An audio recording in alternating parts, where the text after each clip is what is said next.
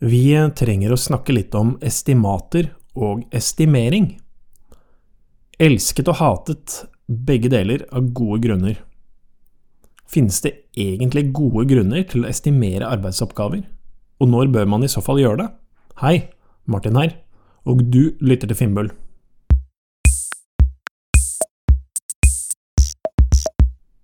Ideen om estimater er minst like gammel som jobben med å drive teknologiutvikling, og garantert enda eldre. Å estimere en oppgave er jobben med å sette en estimert tid for hvor lang tid det vil ta å utføre oppgaven. Jobber du med teknologiutvikling, har du garantert vært involvert i estimering. Hvordan man estimerer oppgaver, og hvor ofte man gjør det, er helt avhengig av arbeidsprosessen og kulturen der man jobber. Noen har estimering som en egen del av utviklingsprosessen, der de planlegger i detalj hvilke oppgaver som skal utføres, og bruker mye tid på å forstå hvor lang tid hver oppgave vil ta. Og er du kjent med vannfall som prosjektmetodikk, så vil du kjenne igjen planleggingsfasen som omfattende og detaljorientert og som oftest involverer slik estimering og planlegging både utviklere og designere og forretningsutviklere og selgere og markedsførere og alle andre som blir involvert i oppgaven straks den påbegynnes. På den andre siden så har vi dem som ikke estimerer i det hele tatt, basert på magefølelse, eller erfaring som vi også kaller det, forstår man kanskje hvor omfattende en oppgave er bare ved å titte på den. Begge disse er ytterpunkter, og selv tror jeg ingen av ytterpunktene er å foretrekke. Det er ytterpunkter sjelden, fordi man med ekstremiteter går glipp av verdifulle egenskaper ved alternativene. La oss se litt på det ene ytterpunktet først, detaljplanlegging. Har man estimering som en egen del av utviklingsprosessen, hvor man samler mange mennesker, bruker man verdifull tid man heller kunne brukt på selve oppgaven, på å gjennomføre selve jobben. Samler du fire mennesker i et rom i en time, så har du brukt fire timer, to timer, og du har brukt en arbeidsdag. Estimering er også vanskelig, og du kan sammenligne det litt med værmeldingen. Jo lenger frem i tid, jo mindre presis blir værmeldingen. Tilsvarende er det med arbeidsoppgaver. Jo større de blir, jo vanskeligere blir de å estimere. Og jo vanskeligere de blir å estimere, jo mer tid føler man det er riktig å bruke på estimering. I hvert fall hvis du lever i dette ytterpunktet om at alt bør estimeres i detalj. Men uansett hvor grundig du estimerer, så vil du oppleve at gjennom selve arbeidet med oppgaven, så vil du alltid få ny kunnskap underveis som gjør at det opprinnelige estimatet blir feil. Du kommer aldri til å treffe presist på et estimat. Så til det andre ytterpunktet, ingen estimering. Jeg syns det er vanskelig og ikke estimere i det hele tatt. Det er produkteieren på teamet som har ansvaret for å holde backloggen oppdatert, altså sikre at riktige oppgaver er klare til utvikling i rett tid og riktig rekkefølge. når en produkteier i et team skal prioritere oppgaver, så er det mange hensyn som må tas. For eksempel Utviklerne har meldt inn behov for optimalisering av kode, designerne har meldt inn behov for forbedring av brukeropplevelse, support har meldt inn en feil, og tre kunder trenger nye funksjoner, sikkerhetsansvarlig har meldt inn behov for en sikkerhetsoppdatering.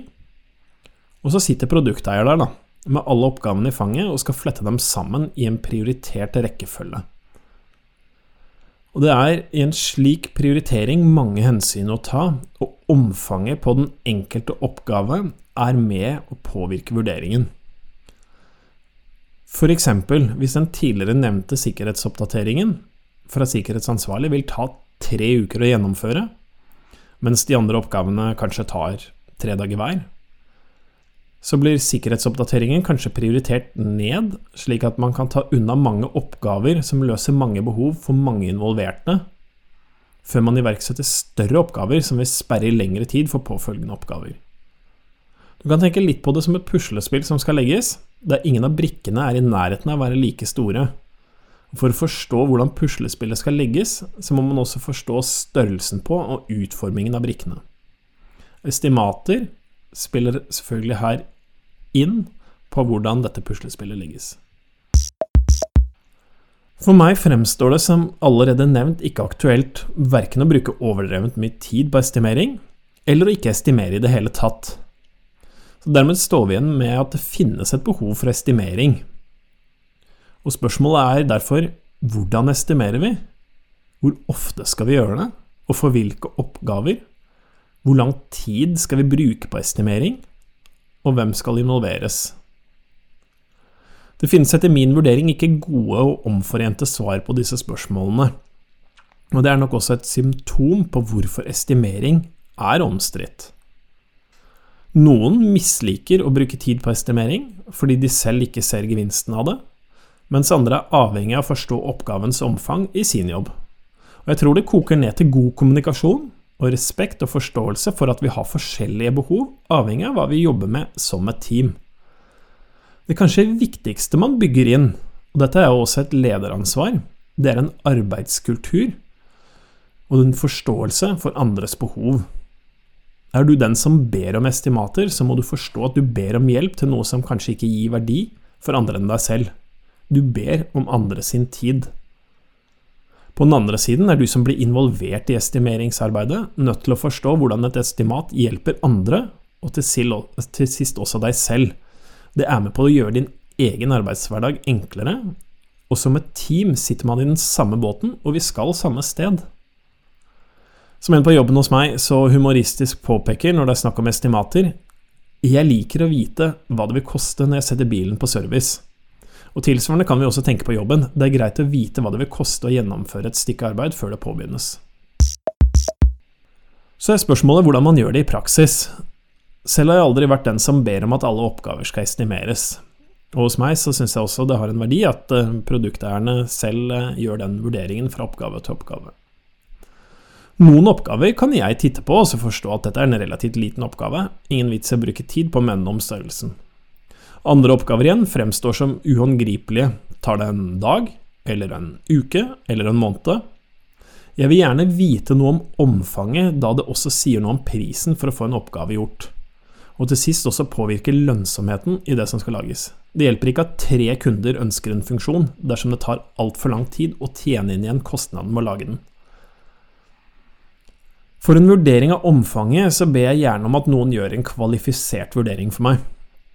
Med en kvalifisert vurdering mener jeg en som kjenner domenet som oppgaven tilhører, og som kjenner løsningene som vi arbeider med. Når jeg i dag-til-dag-oppgaver ber om et estimat, så er det flere ting jeg syns det er viktig å kommunisere tydelig.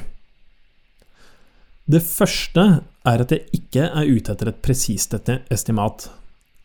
Som nevnt tidligere, så blir estimatene aldri riktig, og derfor syns jeg også det er bortkastet tid å bruke for mye tid på å få det presist. Et presist estimat vil aldri vise seg å være så presist, og man bruker som nevnt tid på å estimere. Når det er nevnt, så skal selvfølgelig den som estimerer også få betenkningstid og lov til å gjøre egne vurderinger. Jeg pleier å spørre om denne oppgaven tar en dag, eller en uke eller en måned, og da kommer gjerne tankeprosessen fort i gang, og jeg får gjerne svar som at å nei, denne oppgaven tar ikke en måned, vi er nok eh, nærmere en uke, tenker jeg. Flott, da har jeg det jeg trenger å vite. Det andre jeg kommuniserer, er at estimater aldri forplikter. På kontoret så har jeg et lite bilde av Dr. Evil i ond latter med sine medsammensvorne, påført en tekst over, hvor det står Will ask for estimates and treat them like deadlines. Et estimat er ikke en frist. Det er ikke noe jeg holder mot noen hvis det viser seg at estimatet var feil. Jeg er innforstått med at når jeg først ber om mindre presise estimater, eller estimater i det hele tatt, så blir det avvik. Jeg bruker det aldri i detaljplanlegging, først og fremst fordi jeg aldri detaljplanlegger. Samtidig er det den som estimerer sitt ansvar å ikke skjule kompleksitet og omfang. Hvis man oppriktig tenker at en oppgave tar en måned, så sier man at det tar en måned, og ikke to uker, fordi det er det man håper at det kan gå på. Det tredje som er viktig, er at jeg aldri skal være misfornøyd med et estimat. Jeg sier på spøk at jeg krangler aldri med værmelderen bare fordi jeg ikke liker været som er meldt. En oppgave tar aldri mindre tid bare fordi jeg skulle ønske at den gjorde det, fordi jeg skulle ønske at vi kunne levert ny og verdifull funksjonalitet til kundene allerede i morgen. Tidvis kommer det også større oppgaver eller konsepter, også kjent som epics, opp til vurdering. I smidig utvikling er et epic et konsept som igjen kan brytes ned i mindre oppgaver, som kan rulles ut separat. For epics så bruker vi gjerne T-skjortemetoden, hvor vi ser på størrelser fra ekstra small til ekstra ekstra large. Og det er en grunn til at vi velger akkurat disse ytterpunktene. På forhånd må du ha avgjort hvor mange dagsverk som inngår i de forskjellige størrelsene. Og hva passer da bedre enn å bruke Fibonacci-nummerserie og fordele dem fra 1 til 21 på denne størrelsesskalaen fra ekstra small til ekstra ekstra large. Du finner en detaljert forklaring i notatene til episoden på fimbul.tech. Det er fimbul.tch. Men nå trenger jeg din hjelp. Jeg trenger hjelp til å dele erfaringene i Fimbul. Jeg trenger din hjelp til å dele Fimbul med minst én venn eller en kollega. Én venn hvor du tenker 'dette vil du ha nytte av'. Be dem om å besøke fimbul.tech. Tusen takk for at du lytter til Fimbul, og for at du deler. Vi høres!